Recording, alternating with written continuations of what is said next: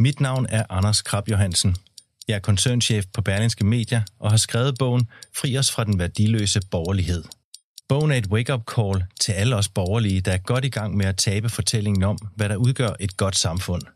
Vi har overladt omsorgen til staten, velstand til vores politikere, familien til institutionerne, dannelsen til tilfældighederne og forsømt at genopfinde og forny de værdier, som taler til menneskets hjerter.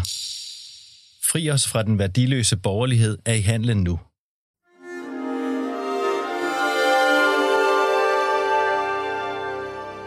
Du lytter til Avistid, en podcast fra Weekendavisen.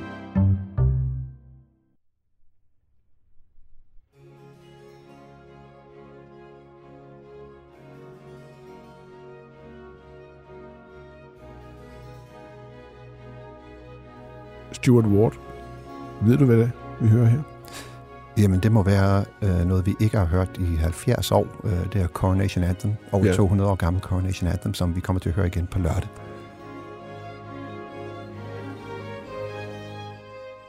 Händels Coronation Anthem, skrevet til King George, den tredje kroning tilbage i 1729. Den blev opført dengang, mens kongen blev salvet. Og i det ligger jo et religiøst øh, ritual, og det er blevet brugt lige siden, men altså det er 70 år siden sidst, da Elisabeth blev kronet. Præcis. Er vi sikre på, at den bliver spillet på lørdag? Det vil jeg forvente, øh, at den gør, fordi øh, det, der kommer til at ske på lørdag, er øh, præcis et forsøg på at knytte noget af Elisabeths tidsånd, hendes personlige øh, øh, egenskaber, det, de skal overføres. Altså, og den, den positive stemning omkring øh, dronning Elizabeth, så meget af det som muligt, skal nu øh, overføres videre til hendes søn Charles 3.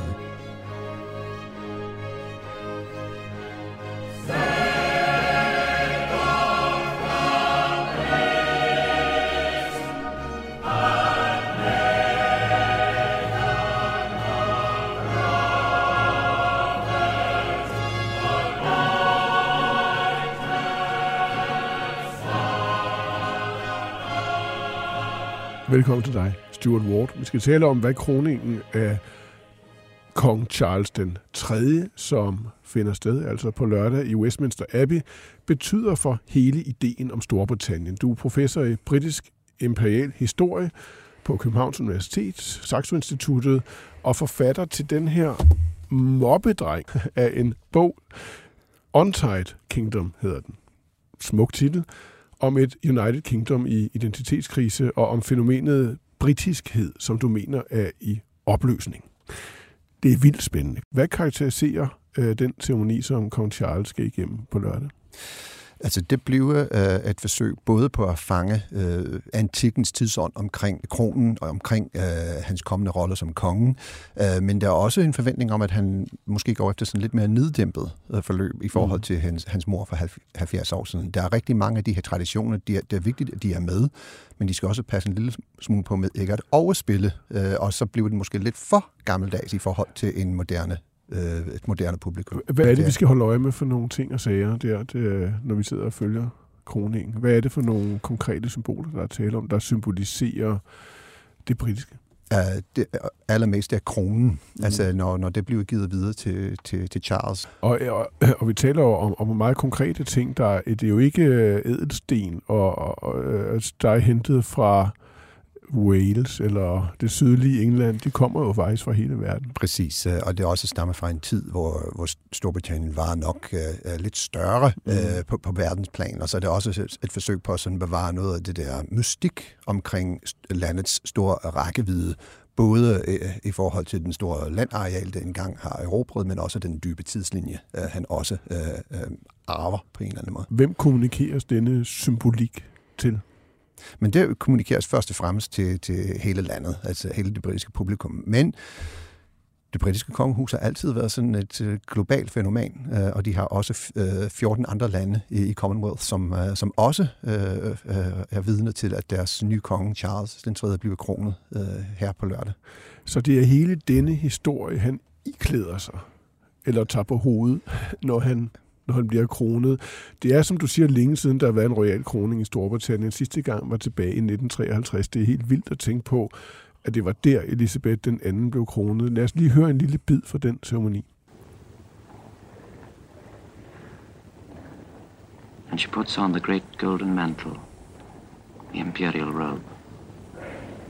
Receive this imperial robe, and the Lord your God endue you with knowledge and wisdom, with majesty and with power from on high. The Lord clothe you with the robe of righteousness and with the garments of salvation.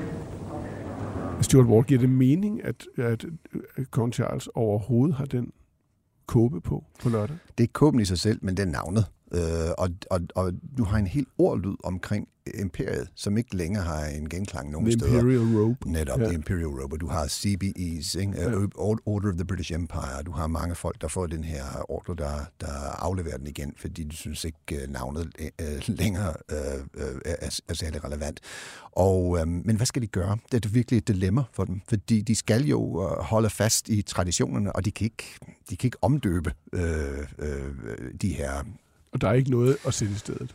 Ikke umiddelbart. Der er ikke de samme symboler at sætte i stedet, som fylder lige så meget i bevidstheden. Det er rigtigt. Men det, jeg, jeg følger nøje med øh, på lørdag for at se, hvad, hvad der udebliver. Fordi vi har allerede hørt, de har allerede meldt ud, at det bliver ikke så lang, og det bliver mere afdæmpet, end dengang Elizabeth øh, øh, den anden blev kronet i, øh, tilbage i 53. Jeg tror, det bliver meget sigende, hvad det udebliver.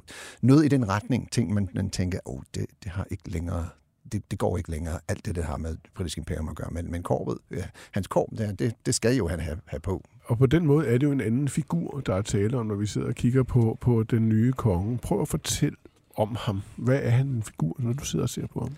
Jamen Charles, han har været i ventestilling længere end nogen øh, øh, andre. Øh, øh, altså siden han var tre år gammel, har han øh, været øh, øh, arving. 70 år, øh, hvor han har også, han er blevet moden i en tid, hvor der var det, hvor det der skarp lys, det blev kastet mod øh, øh, hele kongehuset, kongefamilien, det blev øh, kom for alvor i gang der i 70'erne. Så han blev, øh, hans, alle de kærester, han havde i, i 70'erne, det blev pludselig sådan på forsiden af aviser. Han har, på, på, han har virkelig været en pioner, kan man sige, i forhold til at skulle modstå det presset og med et spotlys øh, på en måde, som hans, øh, hans mors generation ikke skulle, øh, ikke skulle opleve. Mm. Øh, og øh, og han, han står stadig, altså han er en overlever, kan man sige, at der rigtig, har været rigtig mange gange inden for de sidste 30 år, hvor folk har tænkt, okay, det blev ikke Charles, det, det kan ikke lade sig gøre, hans ægteskab, øh, her på det seneste, hans problemer med, med sønderne, øh, men alligevel, øh, det bliver ham til sidst. Det, det var ikke nødvendigt at finde, finde en forfatningsmæssig omvej for at give kronen videre til, til William, som mange øh, gennem tiden har sagt, nok var en bedre løsning. Det, det er meget interessant, for det er jo sådan en slags overgangsfigur, og din, din bog hedder jo Untied Kingdom. Vi har på forsiden af Weekendavisen denne uge et tegning af Charles med en lille bitte krone på. Fordi han er jo en anden. Han er, han, altså han, han er noget andet. Han er anderledes end sin mor. Hvad er det, der gør ham anderledes? Og hvad har det at gøre med din pointe om britiskhedens kollaps? For mig at se det største forskel er, at Elizabeth var først og fremmest øh, øh, et, et, et, en global figur. Uh, hendes coming of age uh, uh, øh, adresse i, øh, i 1947, der sidder hun i Cape Town. Ikke? Der vælger man meget bevidst, at når første gang hun skal tale til befolkningen øh, på BBC World Service, det skal ikke være fra London, det skal være fra Cape Town. Øh, og der hun så begynder at rejse rundt i verden, øh, hendes øh, tilstedeværelse i alle de her forskellige steder bliver naturaliseret på en måde, som aldrig egentlig skete for Charles. Man gjorde det forsøg, man sendte, han i sko- sendte ham i skole i Australien i 60'erne, han var der sådan et halvt år. Uh, de sendte ham også uh, til Wales på universitetet for at få ham lidt væk derfra, sådan Windsor og, og, og Buckingham Palace og Cambridge, hvor han også var på universitetet. Men i bund og grund, i modsætning til hans mor, er, er Charles uh, ærke-engelsk, som jeg har sådan... Uh, hun var, som hun sagde, det hjemme alle vegne. Ja, han er englænder. Præcis. Det, det, hun, hun ser meget berømt i den første tale, at uh, når jeg talte til jer i dag fra Cape Town, jeg er 6.000 mil fra landet, hvor jeg blev født, men jeg er på ingen måde 6.000 mil fra hjemmefra. As I speak to you today from Cape Town, I am 6,000 miles from the country where I was born. But I am certainly not 6,000 miles from home siger hun. Og, og hele det her ideen omkring hjemmet, og hvordan uh, det kunne... Det, ble, det blev folk ret fascineret af dengang. Det symboliserer også et land, der stadig har det her... Um, den store rækkevidde, mm. meget optaget af den øh, grænseløse horisont. Øh, det er de myter, der er underbygget både øh, øh derværende, dertidens opfattelse af britiskhed, og i den grad også øh, dertidens opfattelse af, af kongehuset. Og, det har, og det har Charles ikke. Nej. Det kan han ikke bære videre Nej. i, uh, i uh, 2023. Og, og, og, men, men, men alligevel giver man ham jo nogle af de symboler, som du startede med at sige, ja. som, som øh, repræsenterer den arv, altså repræsenterer Britishness. Hvad, hvad er Britishness? Jamen, britiskhed som identitetsbegreb, den opstår, det bliver opfundet, kan man sige, i takt med, at øh, landet begynder at bevæge sig ud i verden. Og det kan man, og det kan man se bare, hvis man laver sådan noget som en øh, Google Ngram eller sådan noget. Man kan se, hvordan begrebet begynder at cirkulere lige der, hvor øh, en, øh, folk både fra England, Nord- Irland, øh, Skotland og Wales begynder i fællesskab mm. at, at skabe det her nye projekt, der hedder et britisk imperium. 1700-tallet, siger Præcis. Ja. Ikke? Øh, og, og i den grad i, øh, fra midten af 1800-tallet, at mm. det er lige præcis det her proces og de her mennesker, der har behov for et, et nyt begreb. Og, og begrebet bliver overført tilbage, og så du får den her dynamik, øh, mm. både på, på hjemmefronten og på udebanen, at her har vi et meget løst begreb. Jeg, jeg, jeg beskriver det som en loose-fitting suit. Altså, det skal ikke være for stramme, fordi det skal kunne klare så mange forskellige... Men man får lyst til at sætte nogle ord på, som virker lidt klichéagtige. Det er jo sådan noget som civilisation og dannelse, ordentlighed, sund fornuft Øh, er, det, er det ikke Præcis, det kan, det kan rum, og, og selvfølgelig ja. også uh, de britiske forfatningsmæssige begreber, mm. så ja. alt det har med parlamentarisme, mm. frihed, mm. ytringsfrihed, retten til at, uh, at protestere, alle de her sådan, uh, uh, værdier, som bliver knyttet til en britiskhed i uh, udvidelse. Mm. Uh, spørgsmålet er, hvad der sker, uh, når den er Øh, på tilbagetog. Præcis. Ja, hvad sker der, når man er på tilbagetog? Jamen, ved du hvad, det interessante nok er, at øh, det er lige, lige præcis fra midten af 60'erne og frem, at skotterne, øh, øh, valeser og for den sags skyld også englænder begynder at genopfinde deres egne øh, særskilthed, hvis man kan sige det på den måde. Det er i 60'erne, hvor vi ser, at den skotske nationalparti, som vi tager for givet i dag, at skotske nationalparti har været, haft regeringsmagt i Edinburgh i de sidste 12-13 mm. år, det er først der, at de overhovedet får, kan få en mandat i, uh, i parlamentet. Uh, og, så gennembruddet både for Plaid Cymru, den valesiske nationalparti, og SNP, det er lige der mod slutningen af, af 60'erne, at folk begynder at, at... Altså, det er ikke fordi, de her identiteter ikke var der før. Altså, skotskhed, valesiskhed, ancient, men de blev politiseret i ja. den tid, hvor britiskhed ikke længere hænger sammen på og, samme og måde. Og hvor britiskhed bliver afpolitiseret. Og så nævner du synes jeg, meget, meget, altså meget øh, klargørende, øh, den nye konge som englænder. Han er sådan lidt indadvendt fyr, som ja. befinder sig bedst i England. Han farter ikke rundt i verden. Han holder naturen. Han holder, sit, han holder af England. Man ser, ser ham for sig gå rundt på, altså på sine på sine jorder og sine områder til rundt i England. Hvad er forholdet mellem det engelske, eller engelskhed og britiskhed? Det, det er den mest interessante af dem alle sammen, ikke? fordi øh, Skotland, øh, Wales, der kan man se, hvordan det bliver politiseret, og så har du her opgør mellem nationalister og unionisterne. I England er den meget mere underspillet, øh, og det ligger i folks underbevidsthed. Så der er rigtig mange, der, der ikke kan se en forskel. Der er den dag i dag, jeg tror, det har ændret sig meget de sidste 30 år. Hvad tænker du er forskellen? Jamen, øh, altså jeg ser England som et sted og vi, vi, når vi tænker på England, vi tænker helt klart på et sted, der kan... Så vi har den mytologiske geografi, vi har Shakespeare, vi har Milton, vi har en lang uh, litterær tradition. The vi Rolling Hills of the, the Green and Pleasant yeah, Land, yeah. Uh, John. Majors berømte tale mm. om, uh, om village greens and cricket pitches. Og gamle damer med... Lange skygge, uh, efter, uh, uh, eftermiddags uh, te og så videre. Um, og um, Hvorimod britiskhed, der var altid netop fordi, at den var en identitet under udvidelse, også geografisk. Britiskhed beskriver ikke et sted på samme måde. Du kan læse sådan, uh, folk i, fra Australien til Canada til andre steder, der, der sagde fra sådan 1800-tallet frem, britisk er vi jo, men engelsk er vi absolut ikke. Hvor er det uh, interessant. Ja. Måske det var nødvendigt at underspille det engelske for at kunne opretholde det britiske, men som du siger, så er det britiske, det står ikke på et konkret sted. Det er virtuelt præcis, på præcis. en måde. Altså John Fowles uh, sagde meget interessant. John Fowles, uh, forfatteren, uh, French Lieutenant's Woman blandt andet, han sagde helt tilbage i 1964, britiskhed, det er sådan a passport word han kaldte et pasbegreb. Mm. Altså, det, det, det bruger vi, når vi skal ud og rejse.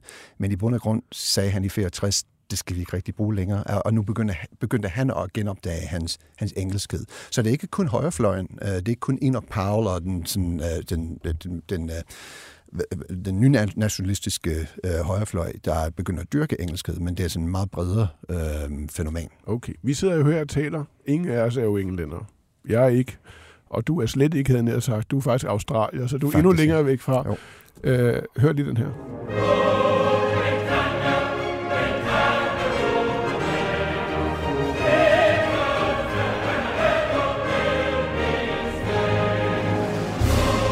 Rule Britannia, Britannia rule the waves. Britons never, never. ever shall be slaves. Den er fra 1740, skrevet jo af I, I should know it. det er en skotte. Ja, ja, Det er spændende, det er det, og ikke en englænder, Ja. James Thompson. Jamen. Ja. Når du er australier og, og hører, hører den, som alle kan, og man får lyst til at rejse op og skråle med, hvad føler du så? Når jeg hører det der, Mhm. øh, der må jeg indrømme, øh, jeg er fra den, øh, den generation, 68-generation, hvor den slags øh, øh, dyrkede man ikke. Øh, tværtimod, det var sådan noget... Altså, øh, altså generationer før, absolut. Altså, ja, man, man vil næsten sige, at i, øh, i Australien var man næsten, man var næsten mere britisk end britterne selv. Så, så ud i bosættersamfundet, ud rundt omkring i verden, den slags øh, var, var dagligdags øh, sådan, øh, i, øh, i biografer og i teater og sådan noget. Det blev sunget. Og grund til, at de råbte så højt om deres britiskhed, mm. det var, fordi de var dybt i tvivl om, hvor de overhovedet var i verden. Din bog her øh, er jo skrevet på engelsk. Øh, den hedder, undertitlen er Global History of the End of Britain, og du har udgivet den på øh, hvad hedder det, Cambridge øh, University Press. Yes. Det er jo et, det utvivlsomt et dejligt sted at udkomme. Øh, du har også været rundt i øh, Storbritannien og fortælle om den. Hvordan tager man imod dit budskab om, at det britiske er ved at forsvinde derovre? Øh, meget forskelligt. Og det kommer an på, hvor, hvor man er. Der, hvor jeg oplever mest, hvad skal man kalde sådan pushback eller øh, resistance, mm. eller hvad sådan hedder, ikke? Ja. det er selvfølgelig i England. Øh, der kan man meget nemt... Altså, jeg var i, i Cambridges boghandel her for to måneder siden og holdt et oplæg i selve boghandlen i forbindelse med Cambridge Festival. Og øh, medarbejderne på boghandlen, de sagde til mig, ved du hvad, du skal lige være opmærksom på, at vi har fået mange øh, folk, der har været ind på og, og har brokket sig over den her titel og sagt, ah, nu, nu, nu du, du trækker landet ned med sådan en titel. Hvorfor? Så, så, så jeg var blevet gjort opmærksom på, at det kan godt komme sådan lidt... Øh, ja, fordi folk selvfølgelig blev provokeret over titlen. Ja. Øh, Boris Johnsons biograf har, har beskrevet det som en uh, disgraceful titel. Mm. Mm. Øh, fordi, øh, og, og ved at sige det på den måde, ikke, så, så afslører vedkommende sin egen følelsesmæssige investment Ja. i det. Ja. Ikke? Fordi øh, jeg, jeg har ikke skrevet den her bog med en, øh, det er ikke et forsøg på at skubbe øh, øh, til øh, en proces, som har været i gang i, i forhold til de sidste 70 år. Det er et forsøg på at tage et skridt tilbage faktisk, mm. og spørge, hvad, hvad er det, der foregår egentlig her, øh, når gentagende gange, når du spørger skotterne, 50 procent af den skotske befolkning svarer på meningsmålingerne, jo, jeg vil egentlig hellere været en del af noget andet. Hva- Hvad foregår der der? Ja, og hvad, hvad er det så, der sker lige nu, lige omkring den her kroning med begrebet f- identiteten britiskhed? Hvad, hvordan vil du forklare det? Øhm, øh, lige, lige nu mm. selvfølgelig er, er en vigtig del af, af Charles' kroning, den har at gøre med netop at modstå de her tendenser. Altså du har også haft i Nordirland, øh, takket være Brexit, øh, mange af de problemer er genopstået. Der har været en diskussion omkring en mulig genforening af den irske ø, altså øh, om nogle års tid, på en måde, og hvor selv øh, øh, landets premierminister tillader sig at, at, at sige, at det kunne være en mulighed. Mellem Nordirland, som er, briti- eller, Præ- som er præcis. britisk, og, og, Præcis. og, øh, at og den britiske Irland, som er del selvstændig. netop den britiske del af Nordirland kunne måske øh, først tilbage mm. til, til Irland. Så når du har alle de her spændingsfelter, alle, alle de her øh, problemer med landets sammenhængskraft, det er hele meningen med, med kroning, jeg prøver sådan virkelig sådan, øh, bruge kronens magt til at skubbe øh, identitetspolitik i den modsatte retning. Fungerer det? Det mener jeg ikke, det gør. Hvorfor ikke?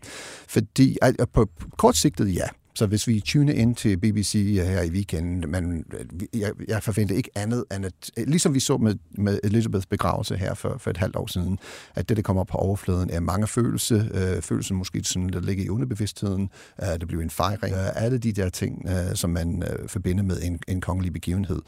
Men det vi har set over den længere tidsrum, hvis vi sådan observerer, hvad der er sket, lige siden Charles og Diana blev gift, øh, de her kongehusets spektakel, dens magi, har mistet noget. Mm. Magien er der ikke, som det var engang. Og, og de får, øh, som vi kalder på engelsk, the law of diminishing returns. De får mm. mindre ud af det, hver gang de, øh, de trykker på den knap. Og handler det simpelthen helt grundlæggende om magt? Det, at Storbritannien er mindre magtfuld, har mistet kolonierne, har mindre økonomiske muskler osv., er det simpelthen det, der er sagen, eller er der også noget andet på spil? Det, det er mange ting, men man kunne sige, at, at den manglende sammenhæng mellem alle de her symboler, hele sådan, spektaklet, uh, imperial crowns, robes osv., der er en vis øh, manglende sammenhæng med landets egentlige øh, position i verden. Ja. Øh, det, det har noget med sagen at gøre. Og, ja. og så bliver de her symboler måske en lille smule små ironisk på, på, på, på en dårlig måde. Og hvis det britiske ikke er et sted længere, men er blevet noget virtuelt, så er det måske heller ikke en institution, og heller ikke en person, nemlig kongen, længere det er i hvert fald kongens stor udfordring, hvordan han øh, bruger sin person øh, til at sikre, at, øh, at, at de tendenser, vi har set inden for de sidste 30 år, ikke øh, får, og ikke accelererer. Det er den største bekymring, fordi Elizabeth bare var en, hun var en plaster på såret, mm. altså fordi hun var der. Øh, og alle de forandringer, som landet blev forandret sig så voldsomt meget i hendes tid, øh, både øh, internt, men også i forhold til omverdenen. Men på en eller anden måde, hendes øh, stabile, øh, sådan, øh, kontinuerlige sådan måde at være øh, øh, landet suveræn på, det gjorde, at folk måske bemærkede det ikke så meget. Øh, men nu mm. øh, er det nu, og, og, og Charles har virkelig en, en, øh, en, en, en tung opgave. Så, så på en eller anden måde, selvom du måske ikke helt vil være ved det, så, så repræsenterede Elisabeth noget i din historie og tilværelse. Absolut. Gør Charles ikke det? Uh, Charles blev helt klart en del af, Australiens historie, mm. uh, især hvis nuværende regering gør, hvad de har set, de vil gøre, og inden for den næste uh, valgperiode uh, have en folkeafstemning, om landet skulle blive en republik. Men når du ser på ham stå der med en krone på lørdag, hvad, hvad føler du så? Identificerer du dig med ham? Personligt ikke. Nej. Nej. Begræder du det? Altså det tab af britiskhed, som det repræsenterer? Personligt ikke, nej. Ja, jeg også, som du kan høre, har været i det her land i lang tid. Ja. Så, jeg er sådan så der er ikke noget i den her projicering af idealerne om, om, om, om dannelse og, og, og vestlig civilisation, øh, øh, ordentlighed, sund fornuft, øh, en form for et, et demokrati jo også, en form for demokrati jo udfoldet med magtanvendelse, men stadigvæk nogle værdier, som er grundlæggende britiske. Der er ikke, der er ikke noget i det, som du begræder tabet af. Nej, og nu er vi tilbage til, du spurgte, hvordan det blev taget imod mm. øh, mit budskab og, og bogen øh, i, øh, i de britiske øer. Det, jeg har virkelig travlt med at sige til folk, er, at, at, at Storbritannien eller britisket falder fra hinanden, behøver ikke have noget med tab at gøre. Altså, det er rigtig mange andre steder i verden, og, og bogen dokumenterer mange andre steder i verden, som engang havde en dyb, dyb, dyb øh, øh, rådet til britiskhed som et centralt element i deres civic culture, som er simpelthen kom, kommet videre. Mm. Uh, det, er ikke, det, ikke, det er ikke det samme som, om de har tabt værdier, eller de har tabt sådan... Uh, så England kan sagtens øh, udvikle sig i nye retninger, ligesom Skotland og skotskhed og sådan noget. Så man behøver ikke betragte det her som noget, at vi, er, at vi skal være i sorg over, og det er i hvert fald ikke tonen, eller, eller hvad jeg har bragt med mm. øh, til at skrive den her bog. Og det er det, der gør, når, når folk først øh, fatter, at det ikke det, der er dagsordenen. Så, ja. så kan folk begynde at sådan tænke lidt anderledes. Okay, måske det her behøver ikke være verdens ende. Mm. Det er bare Storbritanniens ende. Tusind tak, fordi du kom, Stuart det Ward. Det er meget, meget interessant. Skal du se uh, ceremonien på lørdag? Selvfølgelig. Selvfølgelig. Det skal jeg også. Og hvis man vil læse mere om kroningen, så log ind på weekendavisen.dk, hvor vi har et interview på skrift med dig, og så har vi et stort portræt af den kommende konge. Og så lad os slutte af. Nu taler vi om nostalgi øh, med en hyldest, ikke til det britiske, men det er England, der skal overtage nogle værdier på en måde, som ikke er selvbedragerisk. Øh, og jeg tænker selvfølgelig på William Blake, som er et helt fantastisk... Øh, det er et af de mest fantastiske digte, der nogensinde er skrevet om England. Det, det, det sjove ved Jerusalem er, hvordan man har set inden for nyere tid, øh, når, når England spiller rugby. Øh, det er ikke God Save the Queen, der får øh, befolkningen op at stå. Det er Jerusalem, de synger. Øh, så det er blevet sådan en form for uofficiel nationalsang for England.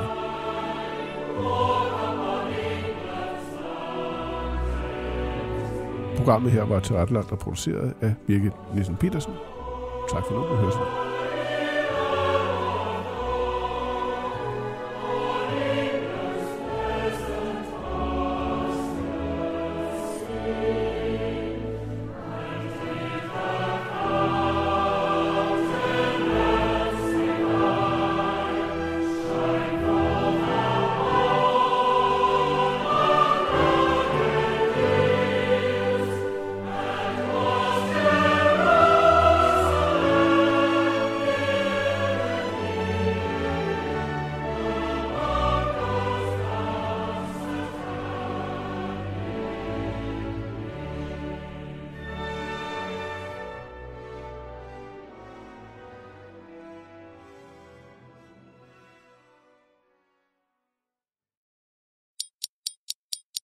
Mit navn er Anders Krab Johansen.